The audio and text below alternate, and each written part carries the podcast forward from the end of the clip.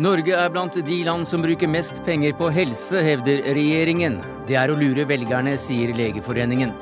Regjeringens hær av PR-folk regisserer mediene, mener tidligere sjefredaktør i VG, og møter politisk redaktør i NRK.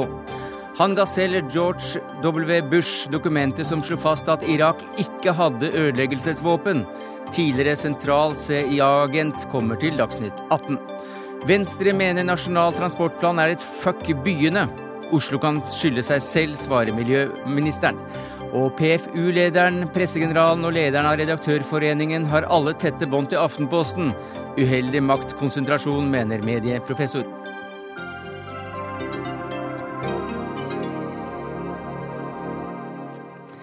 Ja, dette er noen av sakene i Dagsnytt 18 denne mandagen, der vi også får Amnestys reaksjoner på at oljeministeren er i Saudi-Arabia og der godtfolk for første gang kan se hva som foregår på hashtaggen Dagsnytt 18, da med X, samtidig som man ser programmet på NRK Ytring. Det er da som en spesialmelding til folk som er framfusende nok til å håndtere elektronisk databehandlingsutstyr, eller EDB. Men vi begynner med at Legeforeningens kritikk av at, av at regjeringen hevder Norge er i verdenstoppen hva gjelder penger til helse. Eh, president i Legeforeningen, Hege Gjessing, du sier til Aftenposten i dag at regjeringen må slutte å lure velgerne. Hva mener du med det? Ja, vi sier det, for det hovedbudskapet fra regjeringen i mange år nå har vært at Norge bruker aller mest penger på helse i hele verden, kanskje nest etter USA, og at det pøses inn stadig høyere summer i det norske helsevesenet, og at det er nødvendig å få igjen mer helse for hver krone. Ja, så da. Ja, da syns jo folk det er litt rart ikke sant? når de kommer til eh, sykehusene og ser helt nedslitte bygg, når de må ligge kanskje ti timer i et akuttmottak og vente på å få hjelp. Og så har vi gått og sett grundig på tallene, og det de viser er at vi ligger midt på treet. Og at det har vært faktisk det siste tiåret en svært lav utvikling i veksten eh, i kostnader. Og at eh, vi nå investerer mindre i 2012 enn det som ble gjort i 2007 f.eks. Hva sier du til dette, helseminister Jonas Gahr Støre? Ja, jeg har egentlig ikke brukt tid på å sammenligne med så mange andre land. Jeg, da, jeg, jeg, prøver å sammenligne med hva vi bevilger krone for krone. Tall teller, og vi løfter altså penger inn i norsk helsevesen hvert eneste år. Jeg tror det er sånn at det finnes mange sammenligninger. Eh, de jeg har sett, og nå i de siste dagene, så er det litt uh, ulikt hva som blir sammenlignet med hva. Men for å konkludere med det, det viktigste er hva vi bestemmer oss for å bruke for helse. Så konklusjonen på Legeforeningens tall er jo det at de vil ha mer til helse. Det kan vi enes om. Det er jeg også veldig for.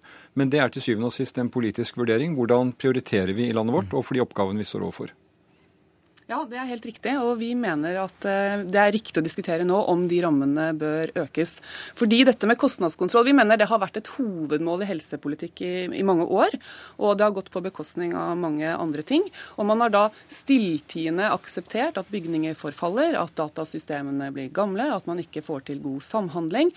Og en ting som er ganske alvorlig, det er at man også aksepterer at de i den norske befolkningen som har best personlig økonomi kan kjøpe seg ut av helsekøene. og Da skaper du et skille da, i det, befolkningens tilgang til helsetjenester. Ja, for, for Jonas Gahr mm. Støre, også, Du sier at du har ikke sammenlignet eh, Norge med land for land osv. Men f.eks. i 2011 så sa statssekretæren i departementet ditt Kåss til Aftenposten at Norge bruker dobbelt så mye på helse som EU-landene. Ja, altså det, det, er tatt et sitat litt ut av sin sammenheng. Vi i Helsedepartementet lager ikke statistikk. Så han har her kommentert en britisk statistikk over ett forhold som han kommenterte. OECD har sine tall, og i Norden finnes det tall, og Verdensbanken har tall. Så jeg syns ikke det er det mest interessante. Men, Nei, det er, det er, greit at ikke nei. du syns det er det mest interessante, men altså i dag så snakker vi om ja. regjeringen har flagget høyt at vi er blant de landene, eller det landet i verden som bruker mest på helse. Jo, og nå hører vi da at Legeforeningen sier at det er det ikke. Det er faktisk å lure velgerne. Nei, men jeg, jeg mener at blant rike land bruker Norge, er Norge blant de som bruker mest på helse. Eh, nå er det slik at Når du sammenligner ut fra BNP og forskjellige slike tall, du kommer ikke unna at Norge, den, den pengebruken vi har på helse i et Europa i dag som bygger ned helsevesenet, bruker mye. Og Så velger Helge, Helge det er i og for seg hennes rett her, å ta uh, alle det, hele det utfordringsbildet som norske sykehus har, og tegner et bilde uh, som ikke står i forhold til at vi behandler flere enn før Vi har over årene nå levert de beste resultatene eh, på eh, viktige kreftformer, hjerte, hjerneslag osv. Jeg skal ikke på en måte svartmale eller rosemale, men det er et sammensatt bilde. Vi kommer til å måtte bevilge mer til helse i årene som kommer, fordi vi får en eldre befolkning, mm. og fordi vi skal følge med på medisinske behov. Men hva, hva er konsekvensene av at vi alle tror at Norge bruker mest penger på helse? Vi mener det har ganske stor betydning, fordi det påvirker hvordan man kan jobbe i norske sykehus i dag. fordi det hele tiden stilles krav om at man må jobbe smartere og på en annen måte. Og, og det som er realiteten, er jo at vi har eh, store etterslep på bygg. Og vi kan ikke se at man vil klare effektivisere driften mer enn det man gjør nå. For det er jo riktig som Støre sier, at vi har effektivisert veldig. Og nå mener vi vi har nådd en grense. Og da tror vi at en av løsningene er å, å, lage en investeringspakke for bygninger, så man får ryddet opp i bygningsmassen, sånn at man igjen kan mm. komme på oversiden og få til den økte kvaliteten som også er et krav i norsk helsepolitikk. Men det er vel ikke så lett å få gjennomslag for det når du snakker med finansministeren, Nei. og han også tror da at Norge gir mest penger i verden til helse? Eh, det er ikke det som avgjør hans eh, og regjeringens eh, vurderinger, programledere. Vi overtok sykehusene i 2005, så gikk de dundrende underskudd. Det er ikke bra for pasientbehandling, det er ikke bra for noen ting. Det går ikke så mye overskudd de to første månedene i år heller, enkelte sykehus? Nei, men nå går sykehusene i balanse. Mm. Det har de gjort siden 2008. Og hvis du skal måle kvartal for kvartal, så får vi se på slutten av året. Nå går de i balanse. Det er sunn drift. Da kan vi, eh, da kan vi investere. Eh, men jeg tror altså ikke altså Jeg tror vi har en utfordring i vår kultur at vedlikehold sitter lenger inne enn å mhm. komme opp med noe nytt. Det gjelder jo på veier, på jernbane, på bygninger landet over. Hege Gjessing har sagt at hun trenger rundt 70 milliarder kroner i en pakke for å ruste opp norske sykehus. Det er et greit argument. Jeg tror ikke det er det vi ser rett rundt neste hjørne. Vi må altså bygge sykehus som både kan investere, vedlikeholde og satse nytt. Mm. Jeg skjønner, jeg skjønner og, til det, og til det må vi ha mer penger. Ja, jeg skjønner, skjønner at du ikke tar helt denne, denne tallsaken helt på alvor. Fordi eh, vi hører jo her at Gjessing sier at det har store konsekvenser hvordan man ser på utgiftene og størrelsen på utgiftene til helse i, i Norge. Og jeg mener altså at det har store konsekvenser at det dannes et inntrykk av at vi bruker mest på helse i verden. Ja, jeg hører hun sier det. Og, og jeg, det... Sier, og jeg sier at det viktigste målet for hva vi skal bruke på helse, er norske behov, norske utfordringer den norske strukturen. Det å drive helsevesen i Norge er forskjellig fra andre land. I år har vi altså en budsjettert aktivitetsvekst på 2% i norske sykehus. Det er mye i konkrete tall. Så du vil ikke følge Anne Grete Strøm Eriksen, din forgjenger her, og si at Norge er blant landene som bruker mest ressurser på helse? Jo, det mener jeg faktisk at, at vi er. Om vi er på, eh, på, hvilken plass vi er i OECD, det kan gå litt opp og ned også ettersom du regner. For eksempel, La meg ta et eksempel, programleder. Skal du regne inn det vi bruker på pleie og omsorg, langtidspleie, der bruker vi mer enn andre land fordi vi har mindre familietradisjoner til å stille opp på slike ting. Eh, derfor så blir, bruker vi mer på det. Tar du det ut av vår helseregning, så faller vi en del.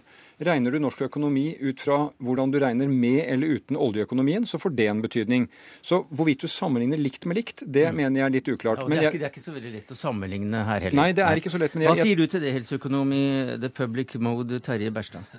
Jo, det er lett å sammenligne helseutgiftene. Hvis man setter seg ned og gjør seg litt uh, kjent med tallene, så er det overraskende enkelt. Eh, de fleste som kan gangetabellen, vil klare det. Uh, det har sneket seg inn et begrep i Norge i byråkratiet knyttet til disse helseutgiftene som heter kjøpekraftsparitet, som egentlig ingen har forstått. Og når man setter seg litt inn i det og gjør litt andre ting, så stiller seg spørsmål om hva helseutgiftene blir brukt på, så, altså helsetjenester, og sammenligner det med andre land, så ligger vi midt på treet, og som rik nasjon så bruker vi uh, usedvanlig lite. Vi er, usedvanlig lite. vi er en statistisk signifikant avvikende nasjon når det gjelder ressursinnsatsen på helse. Vi, og det går selvfølgelig utover helsesektoren på en eller annen måte. Vi har gull i sparing i helsesparing hos OECD. Det er ingen andre land som sparer. Altså Vi avviker, eh, rett og slett. Men vi avviker også ved at vi bruker langt mindre penger på helse enn andre land? Ja, altså Gitt at vi, vi er en rik nasjon, og, og når vi sammenligner oss med hva rike nasjoner gjør, så bruker vi usedvanlig lite. Mm. Hva sier du til det, Støre? Nei, altså jeg, jeg, jeg, kan bare si at vi bruker 115 milliarder kroner på sykehusene våre. Vi øker de budsjettene år for år. Vi fullfinansierer aktivitetsveksten. Jeg er jo glad for hvis det kan vokse et, et, trykk på at jeg kan vinne kamper om å få mer penger i budsjettet til helse. Men det skal altså avveies mot en lang rekke andre forhold. Og det avgjørende er altså ikke de internasjonale statistikkene for meg, men hva vi ønsker å gjøre og gjennomføre for helse i Norge. Men Bersla, du var en av dem som var med på å formulere omtrent denne dette slagordet om at Norge er det landet som bruker mest på helse. For du jobbet for Helsedirektoratets statistikkavdeling? Ja, jeg gjorde det. Men slagordet ble formulert en stund før rundt årtusenskiftet. Ja. Så jeg har på en måte gjort meg skyldig i å videreføre det, og det er noe av bakgrunnen for at jeg har fortsatt å jobbe med disse her, og ønsker å rette opp i eh, det inntrykket som ble skrevet i denne rapporten her, utgitt av Helsedirektoratet i 2011 for 2010. Og Der sto det at Norge er blant landene som bruker flest offentlige kroner på helsesektoren. Og eh, det er svært misvisende. Mm. Når vi ser på kostnadsnivået i Norge og sammenligner de utgiftene som er sammenlignbare, så ligger vi lavt. Og det må vi innse. Ja, hvilke konsekvenser jeg. mener du det har at uh, dette har fått festnet seg? Ja, selvfølgelig, altså Hadde vi brukt mer ressurser på helsetjenestene, så hadde vi fått flere helsetjenester og kanskje også bedre kvalitet på det. Har du fått stor innflytelse på norsk helsepolitikk? Ja, det ser jo sånn eh, ut. Eh, I de årlige stortingsproposisjonene fra regjeringen og Helsedepartementet så sier de hvert eneste år at vi er blant de landene i OECD som bruker mest penger. Ja, For det er der vi har det fra. Det er OECD-rapportene vi, vi har det fra. Og det de tallene egentlig viser, det er ikke hvor mye helseutgifter vi får for disse tallene. De viser hvor mye eh, oppvaskmaskiner, elektriske apparater fra lavkostnadsland og den type ting vi får for disse pengene. og Da får vi mer for de pengene enn eh, når vi sammenligner oss med veldig mange. Er ikke det fint, da? Jo, altså, kanskje det er sånn at nordmenn helst vil bytte inn en hjertetransplantasjon innen oppvaskmaskiner. Det er, altså, vil de det er greit for meg, men de har ikke fått muligheten til å velge, i hvert fall. Med den kommunikasjonen som har vært fra myndighetene. Men er det såpass enkelt at noen regner ut ifra uh, altså deler hele summen på totale utgifter på helse og ned på per capita, altså på personnivå, mens andre deler det på, på det totale budsjettet vårt? Eh, nå vet jeg ikke om jeg helt har Nei, det er, vet ikke jeg heller. Det, men altså, det, gjelder, det, det, gjelder, også per capita. Ja, men, det, okay. men programledere viser litt, eh, Jeg syns dette er interessante diskusjoner. og Jeg er rundt på norske sykehus og hører jo det samme som Hege Gjessing, at folk oppfatter at det er en, en anstrengt situasjon i forhold til hva man står overfor og man vil gjøre. og Jeg vil arbeide for at det kommer mer penger til helse. Det har kommet mer penger til helse, og det skal komme mer. Men på sykehus for eksempel, så har vi da for det første De har gått fra minus til at de er i balanse. Og det har kommet 12 milliarder flere kroner inn siden 2005. Vi kan diskutere at det burde vært 15, og det burde ha vært 17. Men det er jo det, er det som er diskusjonen, mener jeg. Altså, jeg, jeg. jeg, tror ikke vi finner ett gyllent internasjonalt kriterium som sier at det er der vi må ligge. Det er som sagt norske behov det handler om. Og jeg tror vi fortsatt kommer til dette langstrakte landet. Vi har hatt diskusjon om akuttmottak nå. Vi har akuttmottak ved mellom 50 og 60 sykehus. I Danmark er det mye, mye lavere, for det er en annen måte å drive landet på. Slik at det koster å drive det norske helsevesenet, og vi må drive mm. både med effektivitet og med vilje til å mm. investere. Og det kommer vi til å ha i årene som kommer. Og dermed så må du ta tilbake det at eh, regjeringen lurer velgerne. Jeg kommer ikke til å ta tilbake det. For det som er vårt eh, hovedargument, er at det skal være samsvar mellom bevilgninger og de oppgavene som skal løses. Og det skrytes mye nå av at det er balanse overalt. Hver uke så kommer det i avisene fra ett sykehus i landet som sier de har en alvorlig økonomisk situasjon og må gjøre noe med, med driften. Og dette er det vi mener er viktig å diskutere nå. Men Jonas Gahr Støre fikk i hvert fall som helseminister eh, kanskje nye argumenter for å gå til finansministeren i eh, neste runde og be om mer penger, takket være bl.a. deg, Terje Bærstad. Takk for, takk for at du kom. Helseøkonom og Hege Gjessing, president i Legeforeningen.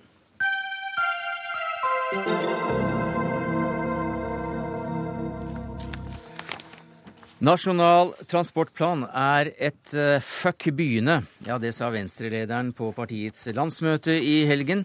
For det kommer ikke en krone fra regjeringen til ny bybane i verken Bergen eller Stavanger, og Oslo må se langt etter støtte til ny Fornebubane og T-bane og jernbanetunnel og det hele under Oslo. Og dette kaller altså byrådslederen i Oslo et rykk tilbake til start. Eh, hvorfor gjør han det, byråd for miljø og samferdsel i Oslo, Ola Elvestuen? Nei, det er jo fordi det regjeringa legger opp til, det er altså at man legger fram en pott med penger som byene skal dele på. Det er en pott som man vet er for liten. Og så skal dere legge opp til en konkurranse mellom byene om å få tak i dette. Eh, og det får du ikke gjort de store infrastrukturtiltakene. Må da må du ha en helt annen tydelighet eh, og en langsiktighet for å kunne etablere. For Oslos del så er det i første omgang så er det en ny Fornebubadet, som er helt nødvendig. Der er busskapasiteten er sprengt allerede i dag.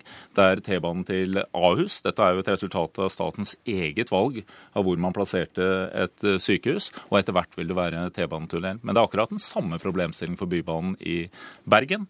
Eh, og det burde være det også for en bybane i Stavanger, men det har jo regjeringen sagt nei til. Hva sier du til dette, Bård Vegar Solhjell, du er miljøvernminister? Du, Det kommer store penger til eh, baneprosjektene i storbyene. 26 milliarder kroner i en pott. Men de kom ikke uten krav. Og Grunnen til at vi stiller krav, det er fordi at jeg og Venstre og mange andre har en avtale som heter klimaforliket. Og Hvis jeg får lov til å lese opp eksakt hva som står i det forliket Ikke hele. Nei, jeg lover jeg skal bare lese et par setninger. Det har understreket at staten bør øke tilskuddet til investering og drift av fylkeskommunal kollektivtransport og andre miljøvennlige transportformer. Dette skal skje ved at byområder og staten inngår forpliktende avtaler. Det er en forutsetning at mål nås i slike forpliktende avtaler. Så vi, for lov, vi har gjort eksakt det.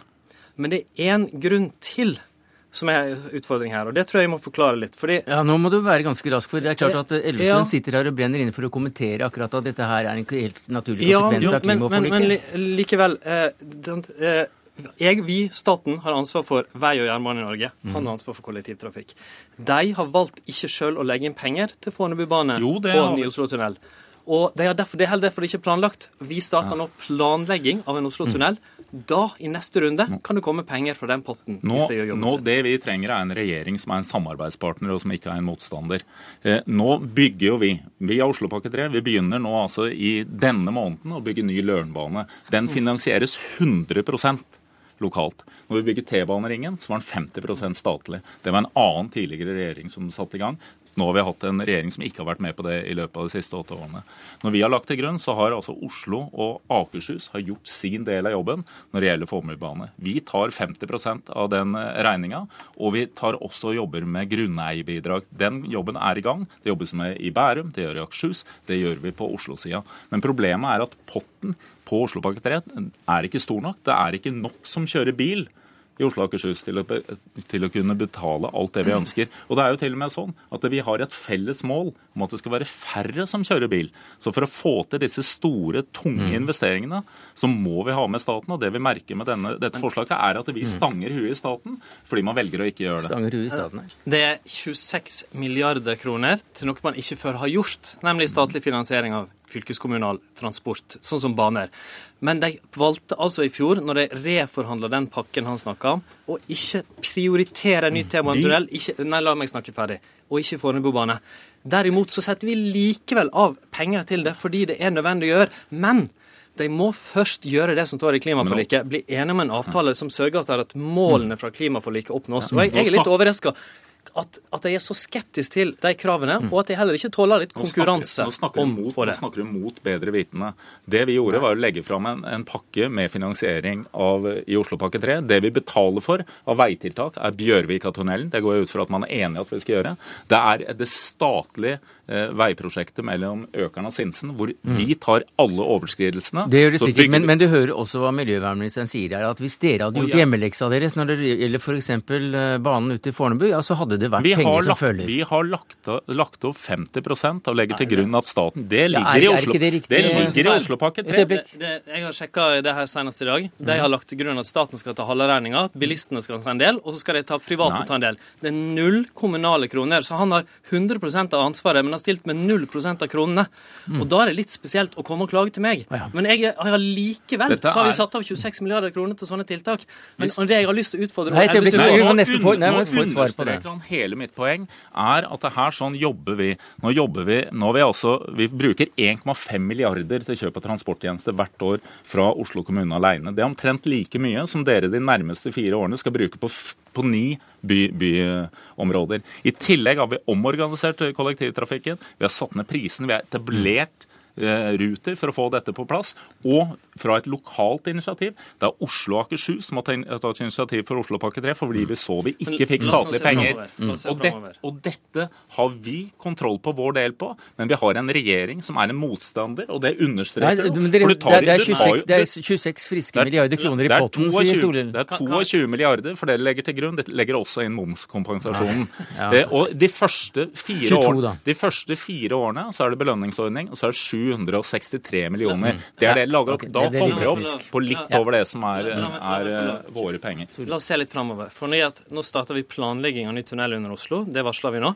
Den må jo planlegges før den kan bevilges. Det samme gjelder Fornebubane. Det jeg skulle gjerne utfordre Elvestuen på, er hvorfor er han så skeptisk til å inngå en avtale som det står i klimaforliket at staten må gjøre med det? Og punkt to, Nei, la oss ta punkt én først. Hvorfor er det så redd for den miljøkonkurransen mellom byene? Oslo har bedt om å få en flerårig avtale med staten i flere år. Vi har også en søknad for i år, og i fjor så fikk vi ikke ei krone til å drive kollektivtrafikken i, i Oslo. Ingenting ble bevilget fra regjeringa. Så var det punkt to. Så dette ligger der. Så var det punkt to. Et øyeblikk, vi må nesten få punkt to. Vi ønsker òg at det skal være la oss si, en miljøkonkurranse mellom byene på den måten at de som har de beste og mest ambisiøse planene, får mer penger. Og hvis de er så gode som de sier, da skulle det være en drøm. Og jeg ville tro iallfall at Høyre-folka du samarbeider med, ville synes at det er topp med litt konkurranse. Vi prisen i bomringen som er 20 så sentrum som i vinter. Vi er den best tilrettelagte byen i verden når det gjelder elbiler. Vi reduserer parkeringsplasser i sentrum hvert eneste år. Det er ingenting, det er ingenting som vi ligger tilbake på på disse områdene. Og dette er en konkurranse jeg ønsker, og det er, et, det er avtale vi ønsker. Men du kan ikke drive de store, tunge investeringsprosjektene med en så stor usikkerhet som regjeringa legger opp til. Dette kan du gjøre på de mindre prosjektene, men når det mm. gjelder bybane i Bergen, bybane i mm. Stavanger, når det gjelder de tunge infrastrukturprosjektene, så må du ha et samarbeid med regjeringen for å få det til. Så bra. For det her viser at Hvis de er så gode som det her, så kommer de til å få en veldig stor del av potten på 26 milliarder kroner. Nok til et vesentlig mm. statlig bidrag til både tunnel strålende, og våre tanker går da til Trondheim, Stavanger og Bergen, som altså da eventuelt får mindre. Takk skal du ha, Bård Vegar Solhjell, miljøvernminister, Ola Elvestuen, byråd for miljø og samferdsel fra Venstre.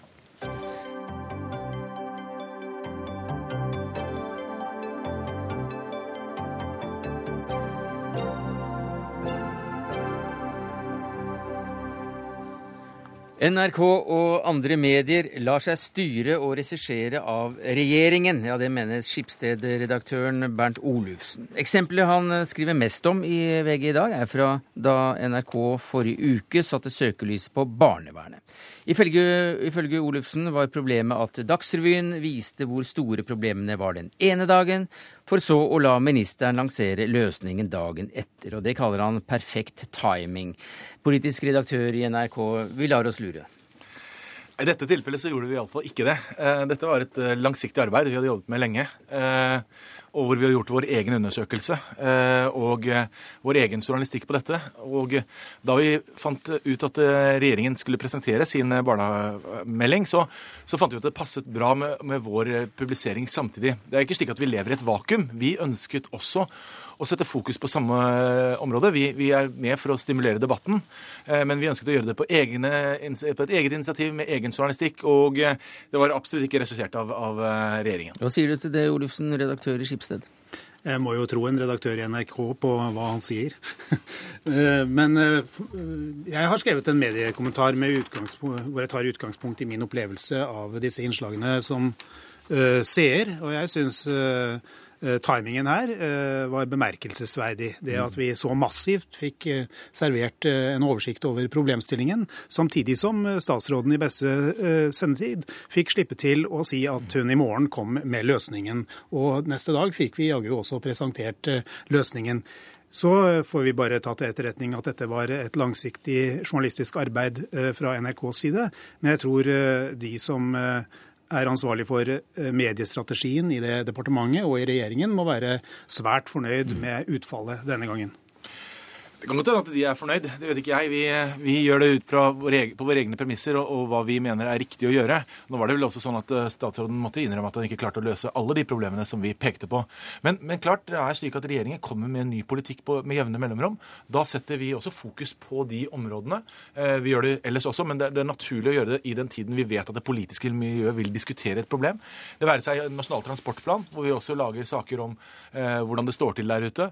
det være om barnevern eller andre andre områder. Det er naturlig at vi bidrar inn i den politiske og samfunnsmessige debatten som, som politikerne også er en del av. Ja, og Samtidig er det vel en liten hær som jeg har skrevet, av informasjonsmedarbeidere og kommunikasjonsstrateger i det offentlige som legger en plan for hvordan dette skal fremstå gjennom Mm. mediene. Dette er ikke noe som bare NRK eh, blir utsatt for. Dette er noe norske redaksjoner opplever så å si daglig. Og en av førerne for denne hæren, den han har vi da med oss eh, i studio. eh, Og det er en mann som jobber for vår regjering. Sindre Fossum Beyer, du er politisk rådgiver ved statsministerens kontor. Hva sier du til dette bildet som Olufsen tegner?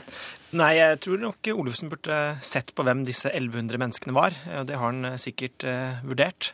For det er, her har man tatt med både de som jobber med arkiv og intranett og eh, gjør veldig mange oppgaver. Og det trenger man jo i staten som i andre virksomheter. Og i dette regnestykket med, i denne hæren på 1100 mennesker, så har man også tatt med Statoil og andre eh, selskaper. Men i regjeringen så jobber det jo mange med informasjon, fordi vi trenger informasjon ut til befolkningen. Ja. Vi trenger å presentere eh, vår politikk. Ja, fordi det Olufsen skriver her, det er eh, i forbindelse da med, med det Olufsen sier, lanseringen av denne saken om, om eh, barnevernsarbeid. Så skriver Olufsen at hver dag jobber en liten hær med å sy slike pakker på vegne av regjeringen. Kjenner du deg igjen? Nei, jeg tror nesten han ville blitt skuffet om han var med inn i bygningen og leita etter denne hæren som, som sydde disse pakkene. For det fins ikke. Men eh, det å presentere en forskningsmelding på en forsknings, eh, forskningsinstitusjon, det mener jeg er eh, logisk, og det er ikke mye skummel eh, PR i det. Og norske journalister vurderer jo saker kritisk, men er altså avhengig av tips og, og dialog med oss som jobber i departementer og direktorater osv. Ja, Det er ikke noen tvil om at dette er en svært voksende og raskt voksende bransje i Norge. Og det er slik, det er et faktum, at eh, det vokser sterkest i offentlig sektor. Eh, Staten er eh, i ferd med å bli den største kunde av kommunikasjonsbyråene rundt omkring i Norge. Og dette reiser viktige spørsmål for journalister. Hvordan journalister skal behandle det materialet som kommer til redaksjonene fra disse folkene.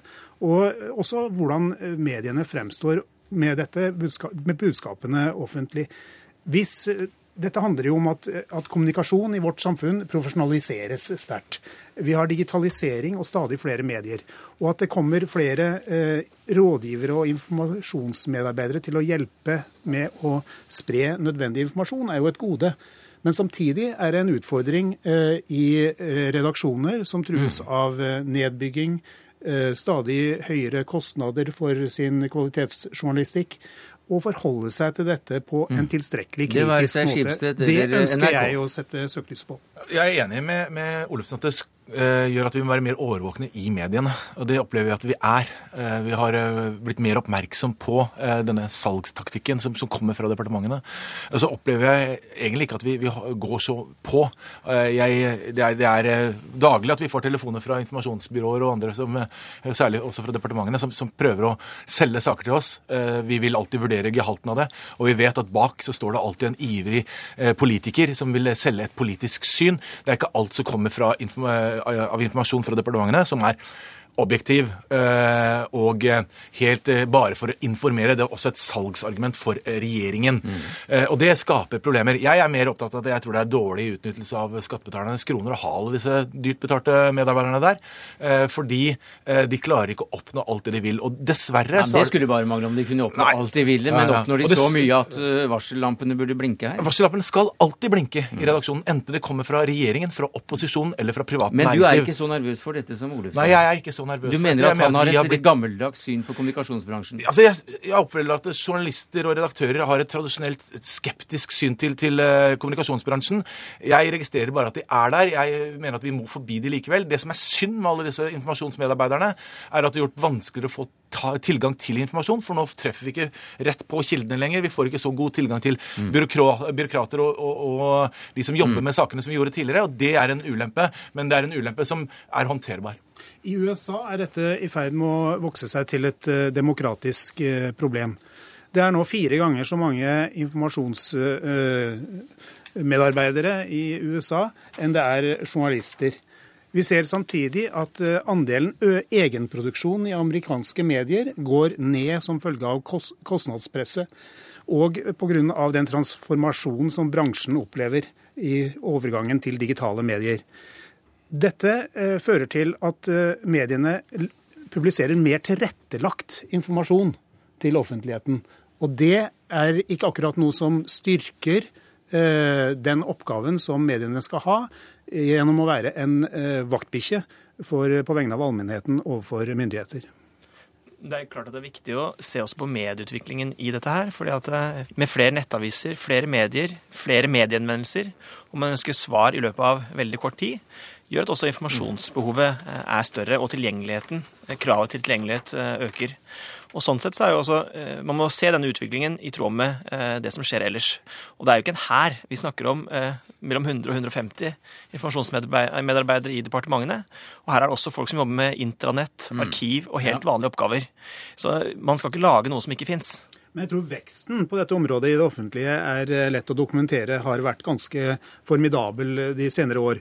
Og så I tillegg så har vi det forhold at det er staten som er den største kjøper av tjenester fra de private byråene på uh, dette området. Så det er ingen tvil om at uh, denne sektoren er i sterk vekst uh, i, i, det offentlige. Olufsen skriver altså da at statsråd Torkelsen la jo da fram denne barnevernsmeldingen i også i NRK, og statsmaktens propagandaapparat kunne gni seg vel tilfreds i hendene over nok en vellykket lansering. Eh, gjorde dere det? Nei, vi gjorde ikke det. Ville du sagt ja Nei, hvis dere hadde gjort det? Jeg forstår at man kommer til den konklusjonen hvis man tror at det sitter, samles 1100 mennesker i staten og koker ut uh, smarte pakker som man plasserer i mediene, men sånn er ikke hverdagen. Og dette var eh, heller ikke regissert, så langt jeg uh, skjønner. Og det ville, blitt, ikke... ja, det ville jo blitt avslørt av NRK i, med en gang det skjedde. Mm. Og vi har også sosiale medier, bloggere, andre typer ting som avslører den slags virksomhet. Ja, altså jeg, jeg, er enig i Olufsen at utviklingen i USA grunn til å være bekymra. Men per dags dato så opplever jeg vel at de fleste som prøver å kommunisere i Norge, er ganske så mye amatører. Og de politiske partiene og regjeringen er også fortsatt ganske amatører sammenligna med sine amerikanske eh, eh, kollegaer. Eh, de pakkene de serverer, er eh, ikke på langt nær så gode, så mm. godt laget som det de ser i USA. Vil du kalle Fossum Beyer en amatør? Nei, altså, Jeg, jeg syns Sindre gjør den jobben han gjør på en uh, relativt god måte. Men jeg, jeg må innrømme at de, uh, det han kommer med Og nå er, Sindre er jo politi, politiker også. Uh, tar vi med en klype salt. For det er, det er, jo solgt som et politisk budskap med, mm. med tanke på å selge Arbeiderpartiets politikk. Takk skal du ha, Bernt Olufsen, redaktør i Skipsted Media, Kyrre Nakken, politisk redaktør i NRK, og Sindre Fossum Beyer, politisk rådgiver ved statsministerens kontor.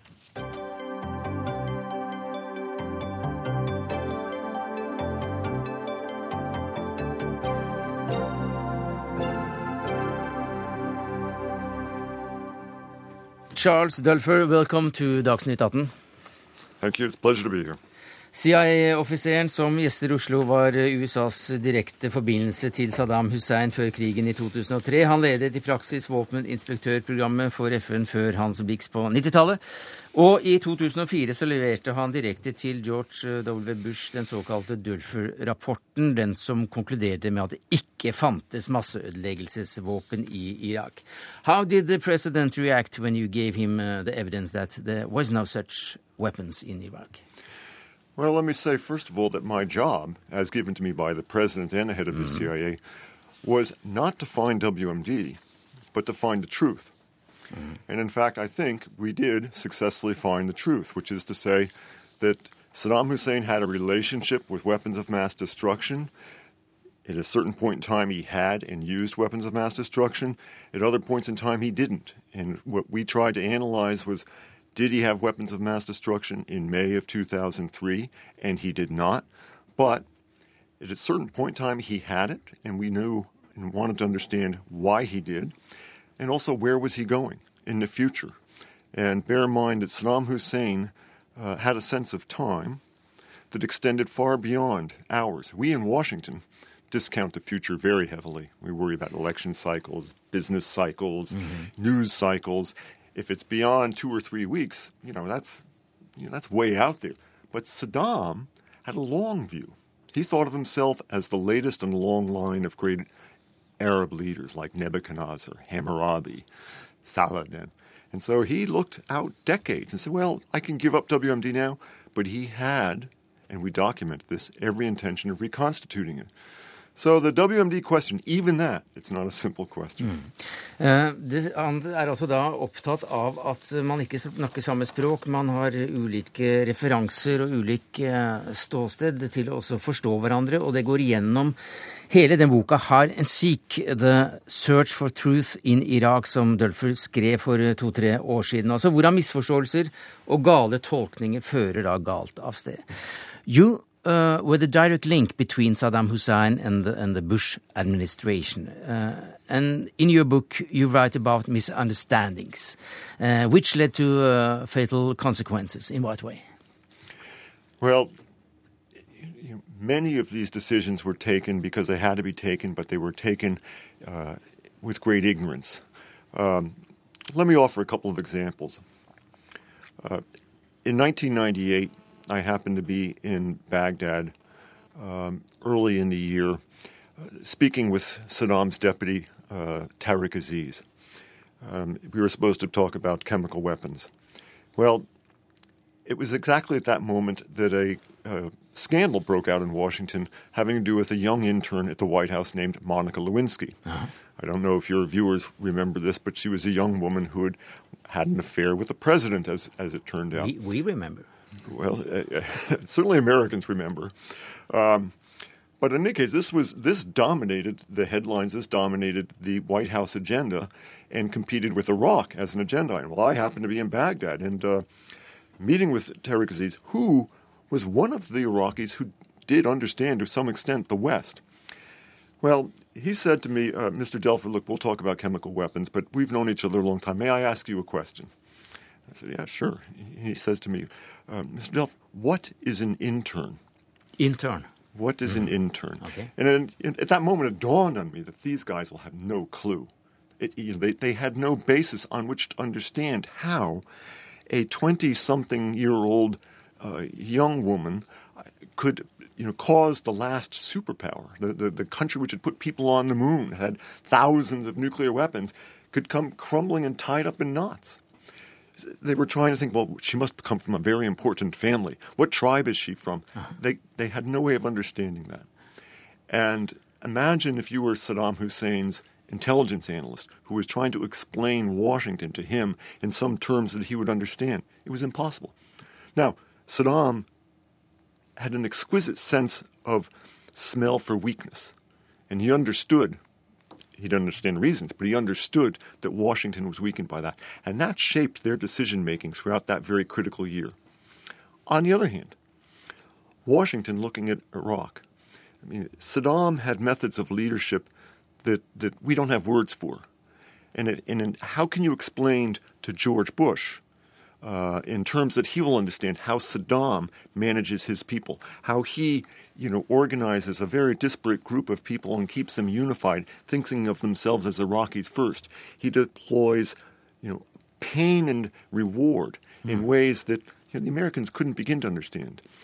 We lost a lot of understanding when we closed our embassy. And, and this is something which, you know, for political reasons, it's often important, but you lose a lot. Um, we had a decade between the closing of the embassy in 1990 and the, and the beginning of the war, and there were very few Americans who had any contact with the Iraqis, mm-hmm. and vice versa. The same applies now with Pyongyang, North Korea, and also Iran. Yeah, we will get them back to, to that uh, task. Uh, forskningssjef Nobelinstituttet Asle Toje Dølfer er også da i Oslo for å snakke om forholdet mellom etterretning og politikk, og hvordan misforståelse kan få helt fatale konsekvenser. Dere skal arrangere et møte på Litteraturhuset i morgen. Hva slags, hva slags figur er det som, som sitter eh, ved siden av deg når det gjelder amerikansk politikk og etterretning? Charles Stolfer har eh, arbeidet i CIA i 25 år. Eh, Han var en av de få eh, i den organisasjonen som hadde inngående kjennskap til Irak og Saddam Hussein på, i, for, i forkant for invasjonen. Og han har skrevet en bok som heter Hide and Seek, der han beskriver hva som gikk galt, og hva som gikk riktig. Han beskriver en, en situasjon der eh, man har to eh, regjeringsapparat som ikke har noen forutsetninger for å forstå hverandre, og som kommer til å misforstå hverandre, slik de faktisk gjorde. Og kommer fram til da denne utrolig vanskelige posisjonen som CIA ender opp i, der man har en regjering som er interessert i å få bekreftet visse hypoteser når det gjelder masseødeleggelsesvåpen, og som man da eh, ikke har eh, etterretning som beviser. Samtidig som man har en del eh, såkalte kanskje free agents, sånn som Ahmed Chalabi, som, går, eh, som flyr rundt i systemet, og som sprer etterretning i mediene og skaper en opinion og en antagelse om at Irak har masseødeleggelsesvåpen, og som da når sitt crescendo, crescendo med invasjonen av Irak i 2003. Mr. Dolfer, would you, would you say that uh, your experience from Iraq would have any relevance uh, to, to, uh, to uh, how do you look upon uh, the North Korea situation? Well, I think there's a number of similarities and there's a number of, of, of huge differences. Um, Let's take the similarities. the similarities are, you, you know, you, you've got a single leader um, that you really don't understand. Uh, I know the intelligence community will be asked. They'll be saying, okay, well, why do you think the leader of North Korea is doing X, Y, or Z? And they will make up an answer. But they have no idea if it's correct or not. It may be the, the, the most likely explanation that they can think of, but who knows? There's a similar circumstance in the degree of uncertainty associated with how do you modify that actor's behavior. We don't know what they value. We don't know what they you know, what, what causes them pain.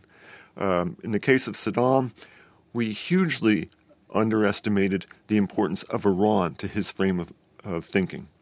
Uh, with respect to North Korea, I, I, who knows what, what, what is important to them? I mean, you might as well ask this American basketball player, Dennis Rodman, who, who went there and had a conversation.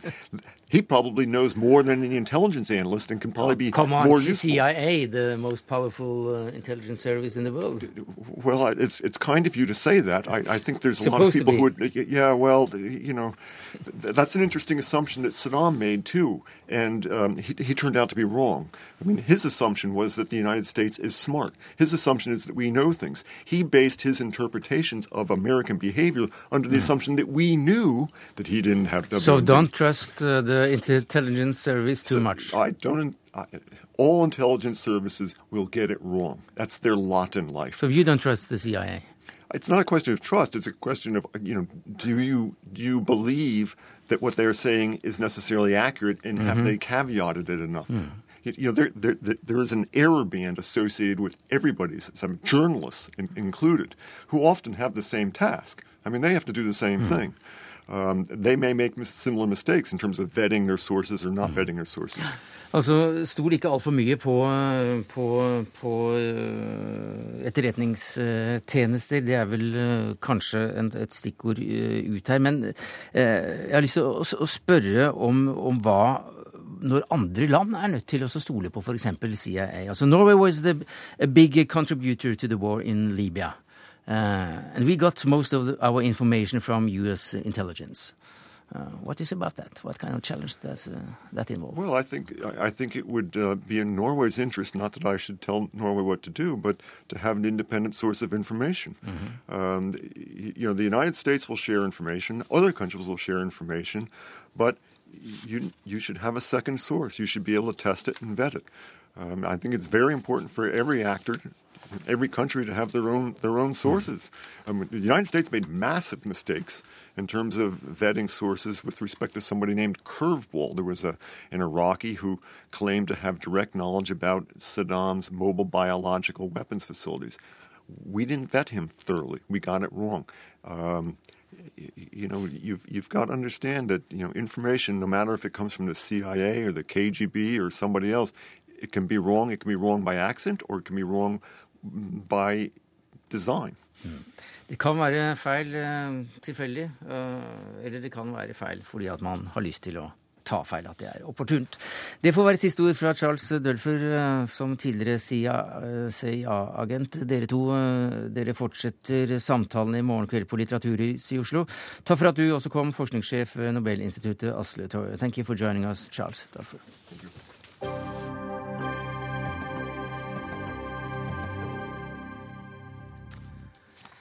Den norske oljeministeren er på besøk i Saudi-Arabia. Og nå er det nok eh, få som tror at dette landet er en ledestjerne med hensyn til menneskerettigheter og straffenivåer. Landet blir sett på som et av de, de verste i verden når det gjelder kvinners rettigheter. Til Aftenposten sier Borten Moe, Ola Borten Moe at spørsmål om menneskerettigheter alltid står på den norske agendaen, mens Saudi-Arabias oljeminister sier at dette ikke er et tema for samtalene. Hva sier du til dette, Inatin? Du er seniorrådgiver i Amnesty Norge med Midtøsten som spesiale. Det er en trist nyhet, på den måten at vi selvfølgelig skulle ønske at norske myndigheter hadde turt eh, å ta opp menneskerettighetstemaer med Saudi-Arabia. Det er det all mulig grunn til å gjøre. Men samtidig så er vi dessverre også eller ikke overrasket over at eh, det ble taust eh, fra norske myndigheter når de var på besøk. Det, vårt inntrykk er at norske myndigheter er relativt stille mm. Eh, når det gjelder eh, brudd på menneskerettighetene i Saudi-Arabia, i motsetning til f.eks. andre land som Iran. Jaha, Så Norge har en dobbel standard, standard for å holde oss i det britiske eller engelske her? Når det gjelder hvordan vi oppfører oss overfor stater vi ikke er helt enig i politikken til? Jeg tror i hvert fall man kan med trygghet si at det er en stor forskjell på hvor, hvor offensive eh, norske myndigheter er Eh, når det gjelder brudd på menneskerettighetene. Det er ikke en logikk i at jo verre landet er, jo mer snakker vi om det. Men at det er en del andre interesser som kommer i spill. Som eksempel? Det er jo ikke ukjent at Saudi-Arabia er verdens største oljeprodusent mm. eh, og eksportør, eh, og at Saudi-Arabia er en nær alliert av USA i regionen. Ehm, så det er, det er, påfallende sammenfall kan du si, i hvordan norske myndigheter begår seg når det gjelder Saudi-Arabia, og hvordan amerikanerne gjør det, og for så vidt også dessverre EU. Ehm, så vi, vi skulle absolutt ønske at eh, myndighetene når de var på reise, for det første spurte oss om det er saker de burde ta opp. Det gjorde den forrige regjeringen, var veldig aktiv i å si fra når de var ute og reiste. Eh, om hvilke saker som, som burde tas opp. Eh, og vi skulle ønske at de hadde en tydelig agenda. Når de var på den type besøk som Borten Moe er nå. Så tidligere så har dere blitt bedt om å brife eller fortelle delegasjoner hva de bør ta opp med, med politikere fra, fra, slike verstingland. Ja, vi er faktisk det. Og der, der har vi sett dessverre en, en forskjell fra altså den forrige regjeringen og den nåværende regjeringen. Vi spurte norsk UD om uh, å delta i denne samtalen, men de henviste oss det er ganske naturlig for så vidt til Olje- og energidepartementet. Og vi skulle gjerne hatt med Ola Borten Moe, men han er klart opptatt i møter nå mellom klokka klokka seks og sju. Og vi vet jo ikke om han da tar opp eh, menneskerettigheter på andre nivåer enn akkurat med oljeministeren.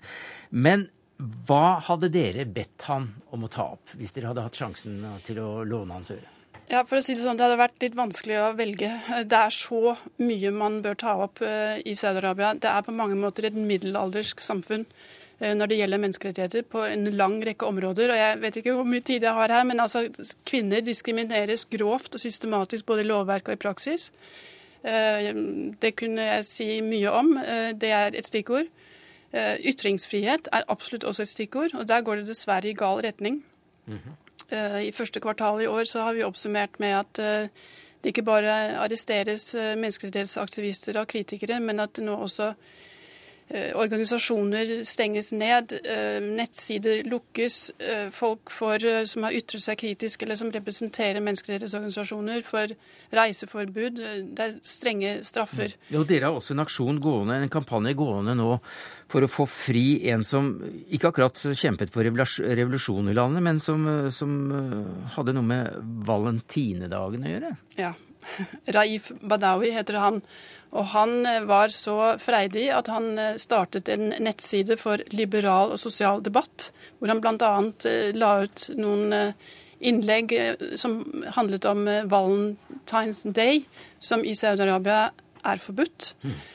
å feire. Og for det ble han arrestert, og han ble Eh, han ble tiltalt for eh, frafall fra eh, islam, som altså er en, en, en forbrytelse som kan medføre dødsstraff i Saudi-Arabia. Vi har en aksjon gående for ham for å prøve å stoppe en, en tiltale og en, dom for det, selvfølgelig. Akkurat på samme måte som vi har en annen aksjon for en fyr som la ut noen twittermeldinger hvor han skal ha hatt en samtale med profeten.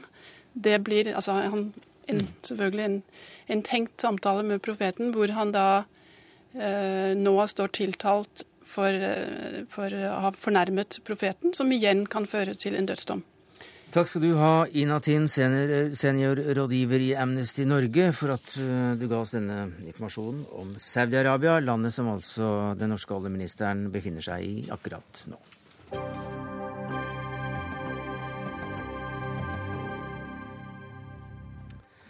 Det er uheldig at eh, et så mektig mediekonsern som Skipsted og landets største avis Aftenposten har så nær tilknytning til dem som bekler tre av norsk presses viktigste ombud. Ja, det skriver du i et debattinnlegg i Dagbladet i dag, Helge Rønning, professor ved Institutt for medier og kommunikasjon ved Universitetet i Oslo. På hvilken måte er dette uheldig? Jeg kunne jo også lagt til at eh, lederen av Norsk Journalistlag, Thomas Spence, også har sin bakgrunn i Aftenposten. Ja. Men det har jeg ikke gjort. Eh, og det er bl.a. for det er en stund siden han arbeidet der. Mm. Ja, For det er, det er sjefredaktøren som da er leder for Pressens faglige utvalg? Ja. Og eh, så er politisk redaktør Harald Stanghelle. Mm. Og så er nå da Kjersti Løken Stavrum, som kom fra Aftenposten for omtrent to måneder siden. Ja, For Stanghelle han er også leder for Norsk Redaktørforening. Ja. Mitt poeng er at pressen er den institusjonen i Norge som er mest opptatt av å avsløre forbindelser, maktkonsentrasjon og slike ting i Norge.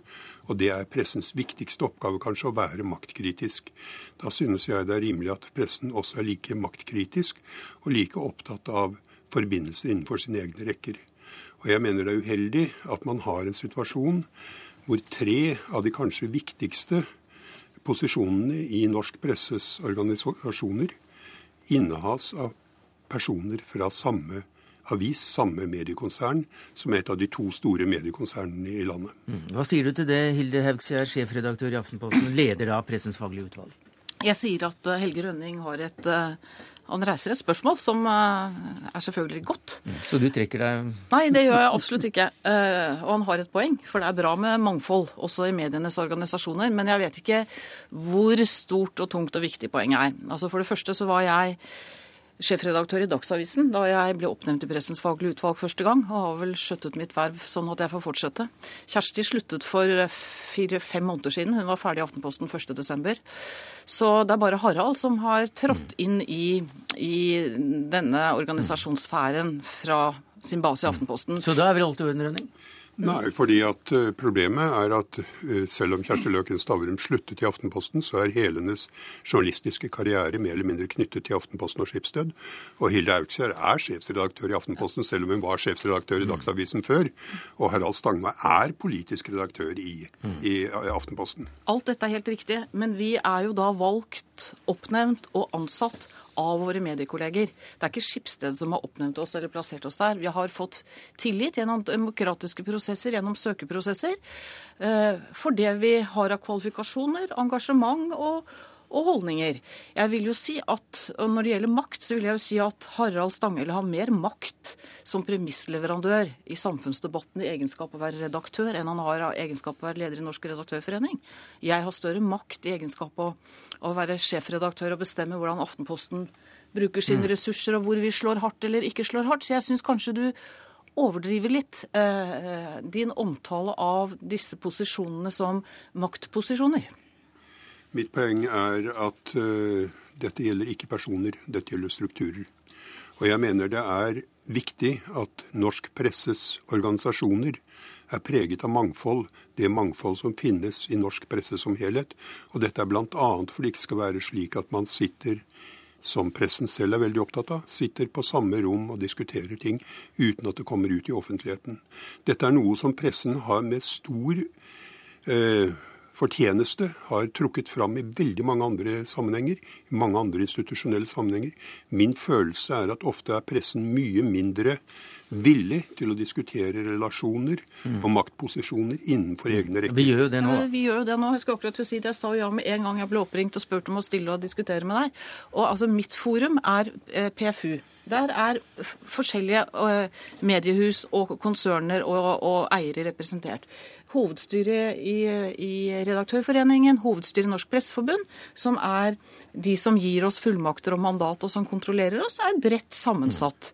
Men av litt, kanskje også litt tilfeldige grunner, akkurat nå er det altså Aftenposten Og det er det vi folk- snakker om er Ja. heldig eller uheldig. Og når du da selv prøver å snakke ned hvor mye makt dere har i disse ulike organene, presseorganene, ja, så, så er spørsmålet hvorfor gidder dere å sitte der da, hvis ikke dere har noe særlig makt og innflytelse på det, på det som som skjer innenfor disse det feltene? Jeg har større makt i egenskap av å være redaktør enn være i egenskap av å være ombud. Mm -hmm.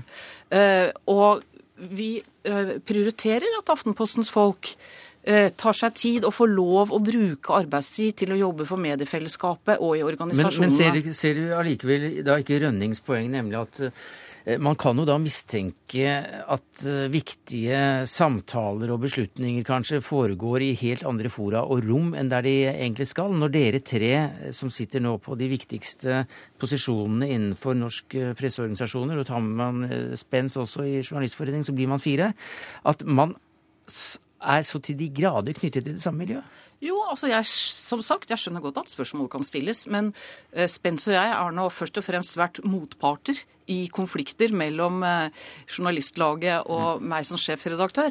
Og så kan folk tro det eller ikke, men først og fremst så opererer vi jo innenfor eh, det ombudet og den det styret og det utvalget vi er valgt i, og diskuterer sammen med de vi sitter sammen med der. Jeg tror faktisk aldri har diskutert en PFU-uttalelse med, med Harald Stanghelle, så får man tro det eller ikke.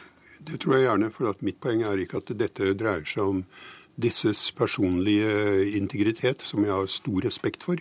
Mitt problem er at jeg synes det er uheldig at så sentrale posisjoner i norsk presse blir bekledd av mennesker som kommer fra nøyaktig samme bakgrunn i forhold til avis, men like mye i forhold til mediekonsern. Slik som det er i norsk presse nå, så er mediene dominert av to store konserner. Og jeg ville synes det ville vært en fordel om den personen som skulle blitt ny generalsekretær i Norsk Presseforbund, hadde kommet fra et annet, en annen bakgrunn enn akkurat et av disse to mediekonsernene. Jeg tror det ville styrket legitimiteten når det gjelder pressen som maktkritisk organ. Altså Tillit og legitimitet det er ikke noe man får og beholder. Det er noe man må bevise, og noe man eh, får i egenskap av hvordan man utfører en jobb. Sånn at Kjersti Løken Stavrum hun kommer til å få stor legitimitet gjennom den jobben hun gjør, hvis hun gjør, viser integritet og er dyktig i den jobben. Helt uavhengig av hvilket konsern eller mediehus som hun har sin bakgrunn fra. Men du, eh, hvem er det som sitter i Skipsted og så er edderkoppen her, og så plasserer dere ut i de ulike Nei, selvfølgelig ikke. Ingen, er, det er er, det, er det er det administrerende Nei, det skal jeg love deg at det ikke er. Er det konsernsjefen? Nei, konsernsjefen? Nei. Nei, sånn ikke. foregår det ikke. Men det var da heller ikke ditt poeng, Nei, det, det er ikke mitt poeng. Mitt Men- poeng er konstellasjonene. Men er du enig i da i at eh, det virker litt uheldig, at man kanskje ved neste runde ikke bør, eh, bør få en Aftenposten-person inn i eh, Altså, jeg, jeg er enig i at det hadde vært enda bedre for norsk medieverden hvis disse ombudene og vervene Hadde blitt hadde ble, eh, var blitt mer spredt. Men først og fremst så mener jeg at de som er, har fått tillit og er beregnet som de best kompetente, og som stiller til valg og Mm. blir valgt, at det er det viktigste. Ikke hvilke konsern som eier Takk arbeidsplassen vi, som vi leder eller ansatte i. Hilde Herksgjerd, i hvert fall sjefredaktør i Aftenposten og leder av Pressens faglige utvalg. Takk skal, du ha, takk skal du ha, Helge Rønning, professor ved Institutt for medier og kommunikasjon ved Universitetet i Oslo. Det var det vi rakk denne mandagen takket være Siri Storsteinhytten, Per Ivar Nordahl og Sverre Tom Radøy.